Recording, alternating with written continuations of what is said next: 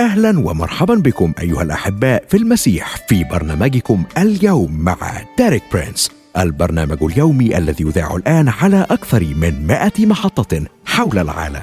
في فبراير من عام 1979 كان ديريك برينس يتأمل كلمات سفر أعمال الرسل الأصحاح الأول والآية الثامنة. لكنكم ستنالون قوة متى حل الروح القدس عليكم وتكونون لي شهودا في أورشليم وفي كل اليهودية والسامرة وإلى أقصى الأرض. وقتها قال ديريك برينس بدا لي بأن الخدمة الخاصة بي كانت فعالة في أورشليم أي في الأماكن الأقرب إلي لكنها لم تصل بعد إلى السامرة ولا إلى أقصى الأرض أي لم تصل بعد إلى كل العالم.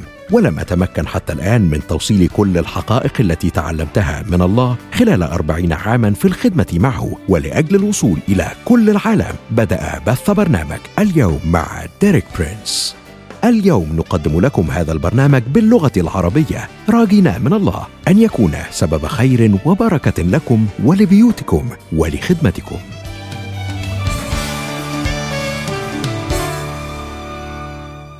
أهلا بيك صديقي المستمع في حلقة جديدة من برنامج اليوم مع ديريك برينس. معك أشرف ومريم. أهلا بيك يا مريم.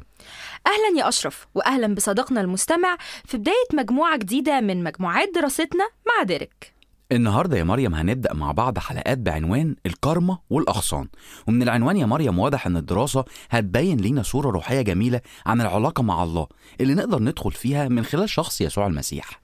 فعلا يا أشرف عنوان جميل جدا لدراستنا الأسبوع ده والصور دي يا أشرف هنلاقيها في أمثال المسيح اللي اتذكرت في إنجيل يوحنا والإصحاح 15 تعالي يا مريم قبل ما نبدأ حلقتنا نخرج نسمع الترنيمة اللي جاية علشان نستعد إننا نبدأ رحلة جميلة عن العلاقة مع الله. تمام جدا يلا بينا.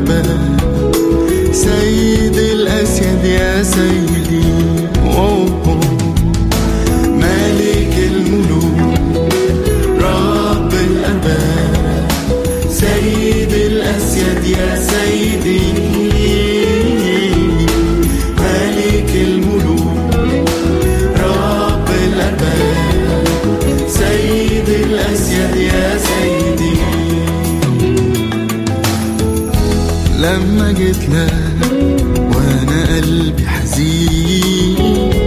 لقيت إيديك تفتح لي باب. لما جيت لك قلت يا رحيم رفعتني من العذاب.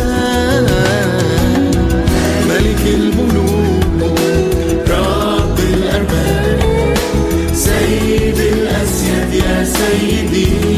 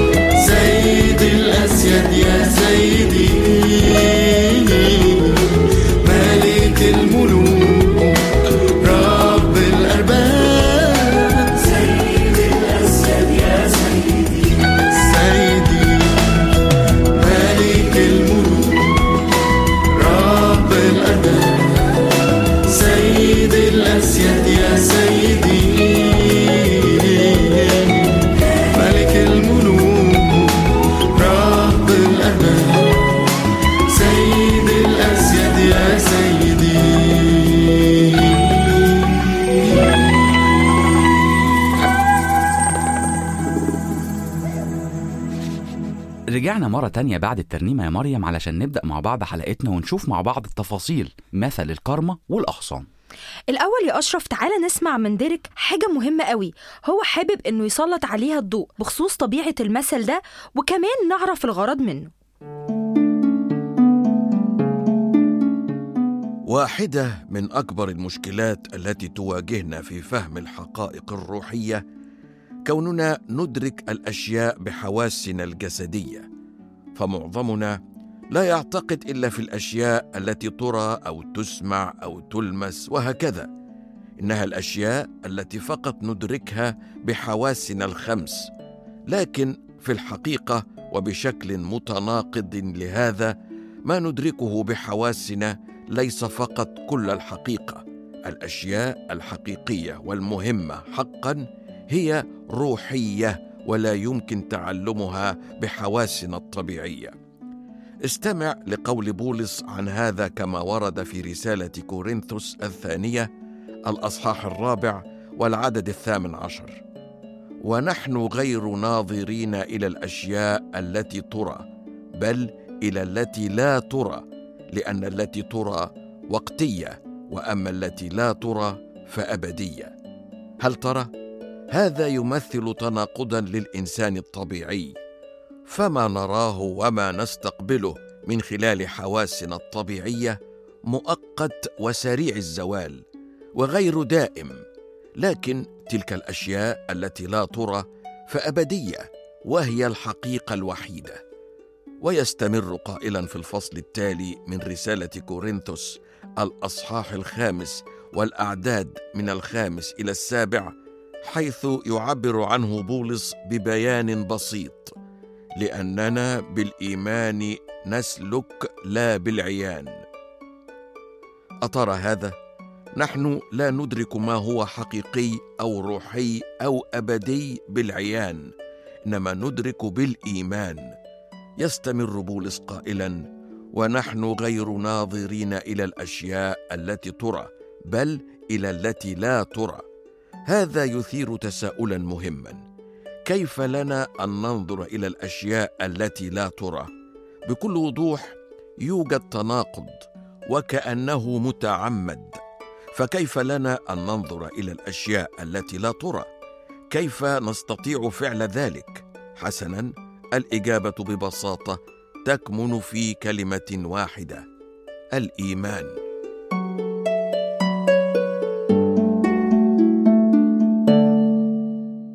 الإيمان يا مريم؟ جميل. بس إحنا اتعودنا مع ديريك إن يكون في تطبيق عملي وتبسيط للحاجات اللي بنتعلمها. وإزاي بنشوف حاجة مش متشافة؟ لا وكمان نسلك فيها. الطريقة الوحيدة يا أشرف اللي نقدر نفهم منها النوع ده من الإيمان هي من خلال أمثال المسيح اللي اعتمد عليها المسيح وهو بيعلم الشعب اللي حواليه. أنا عارف إن المسيح لما كان بيعلم كان بيحب يعلم بالأمثال. لأن المسيح كان عارف عيوب الناس اللي بيسمعوه فكانت طريقة من الطرق اللي بتساعدهم إن هم يتحولوا من عالم الجسد الملموس والمحسوس لعالم الروح اللي بيتوصف بكونه أبدي وحقيقي. وكأن يا أشرف المثل بأدواته المستخدمة من صور ملموسة ومتوافقة مع بعضها بقى كأنه مراية بتعكس كل ما هو روحي ومش مألوف أو منطقي لينا. يسوع لما اتكلم يا مريم اتكلم عن حاجات معروفة جدا للناس اللي بيسمعوه. حاجات شافوها سمعوها لمسوها كتير. فكان بيكلمهم بحاجات يعرفوها علشان الحاجات دي هتكون زي مراية تعكس ليهم الحاجات اللي مش هيقدروا يدركوها بحواسهم الطبيعية. عشان كده في المثل عادة بيكون في مجموعة محددة من التشبيهات. حاجة معروفة بتكون متوافقة مع حاجة مش معروفة. ومش مدركة. حاجة بتتشاف بتتوافق مع حاجة مش متشافة.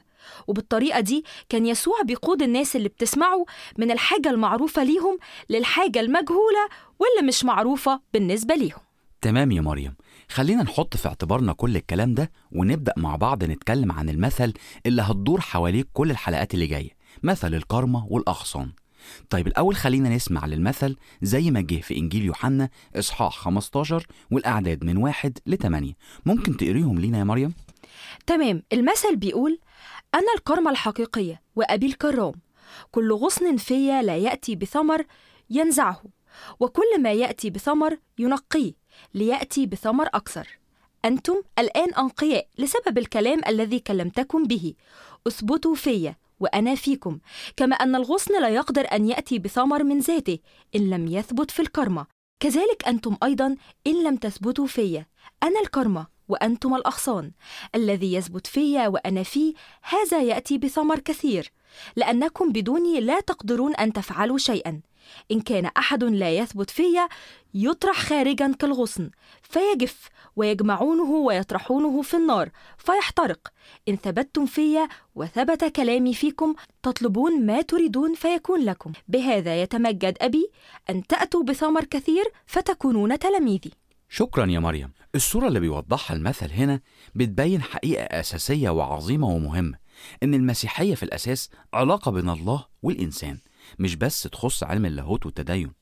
علشان كده مهم إن طريقة تفكير كتير من المتدينين لازم تتغير لأنهم بس بيفكروا في الحاجات اللي بتتعلق بإيمانهم أو العقيدة اللي بيقرروا فيها وخلاص أو مذهب بيعتنقوه. ولو هم بيميلوا للعقلانية يا أشرف هنلاقيهم بيفكروا في الأمور اللي ليها علاقة باللاهوت أو الفكر اللوثري أو الكلفيني أو اللاهوت الكاثوليكي أيا كان بقى. لا طب تعالي بقى نسمع من ديريك وهو بيكلمنا أكتر عن الجزء ده.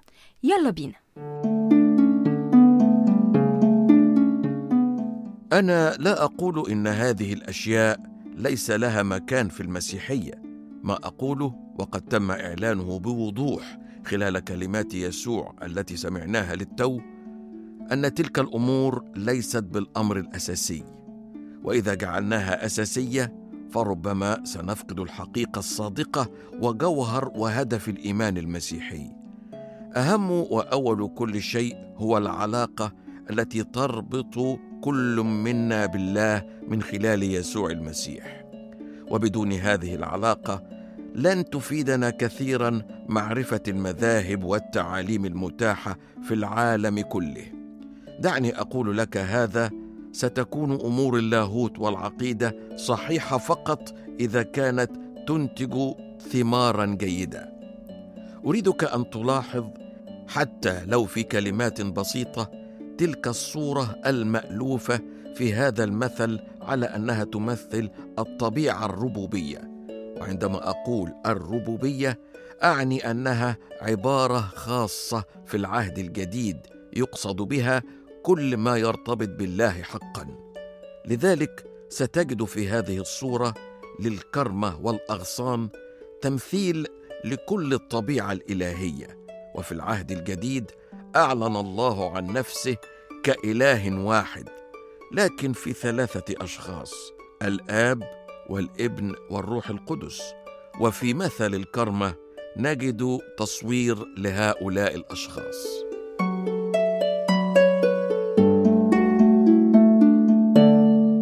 يا ترى يا مريم قدرتي تطلعي وتكتشفي التصور اللي بيتكلم عليه ديريك؟ الأول يا أشرف تعالى نشوف الحاجات اللي بتنطبق على كل شخص من شخصيات الطبيعة الإلهية. خلينا نبدأ بالكرمة بيقول يسوع أنا الكرمة والصورة دي يا أشرف محددة قوي لأنها بتدينا نوع من التوجه لتفسير الصورة الكاملة للمثل إن يسوع المسيح نفسه هو الكرمة وعلشان الكرمة تعيش وتبقى مثمرة لازم العصارة بتطلع من الجذور عن طريق الجذع وتوصل للأغصان.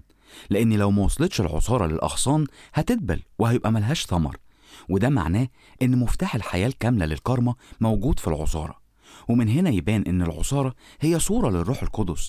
بولس الرسول بيقول في رسالة الرومية إصحاح 8 والعدد 10 بيقول فعليا كده يا مريم وإن كان المسيح فيكم فالجسد ميت بسبب الخطية وأما الروح فحياة بسبب البر.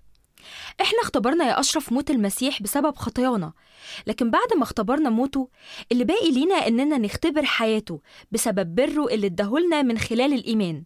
وعلشان إحنا بنتمتع ببره ونتشارك في حياته فاحنا بنتشارك في الحياة اللي بتتدفق من الجذور من خلال جذع الكرمة كمان للأغصان. ده بيوضحه بولس في رسالة روميا إصحاح 8 والعدد 10 الحياة هي الروح القدس والروح هو الحياة. نلاقي في المثل بعد كده البستاني. الكلمة اليونانية في العادة يا مريم بتشير لكلمة الزارع. الكلمة اليونانية اللي هي الزارع بتوضح دوره في الكروم إنه شخص عنده أرض ومحاصيل زراعية أو بهايم أو طيور فهو مش بيكون مزارع لكن بيكون هو نفسه المالك للكرم ده. فعلا هو ده الأب الشخص اللي بيملك كل حاجة وهنشوف إن ليه دور مميز في حياة الكرمة في الحلقات اللي بعد كده هنشوف إن هو الشخص اللي بيقوم بتأليم الكروم. باقي لينا عنصر أساسي أخير في الصورة دي وهي الأغصان. مرة تانية فسر لينا يسوع الحاجة دي لما قال أنا الكرمة وأنتم الأغصان. يعني أنتم هنا يا مريم يقصد بيهم تلاميذه وأتباعه أتباعه الحقيقيين أو المسيحيين المؤمنين. هم الأغصان اللي طالعة من الكرمة نفسها. صح. جوهر رسالة المثل ده يا أشرف بتكون في إننا ملتصقين بالكرمة نفسها حتى ولو اتفرعت أغصاننا لأن حياة الكرمة بتعمل فينا فهنلاقي الثمر بيطلع وبنكون بنسر قلب الله. لكن لو فقدنا اتصالنا واتحادنا بالكرمة وانفصلنا عنها هنفقد الحياة نفسها وهنموت في النهاية ويكون مصيرنا الحرق زي الأغصان الميتة. صح يا أشرف. مهم إننا ناخد بالنا إننا نكون متحدين مع الله ونكون بنستمد منه العصارة اللي هتجيب فينا ثمر. حلقتنا خلصت يا أشرف لكن موضوعنا لسه بيبتدي وهنكمل مع بعض الحلقة الجاية.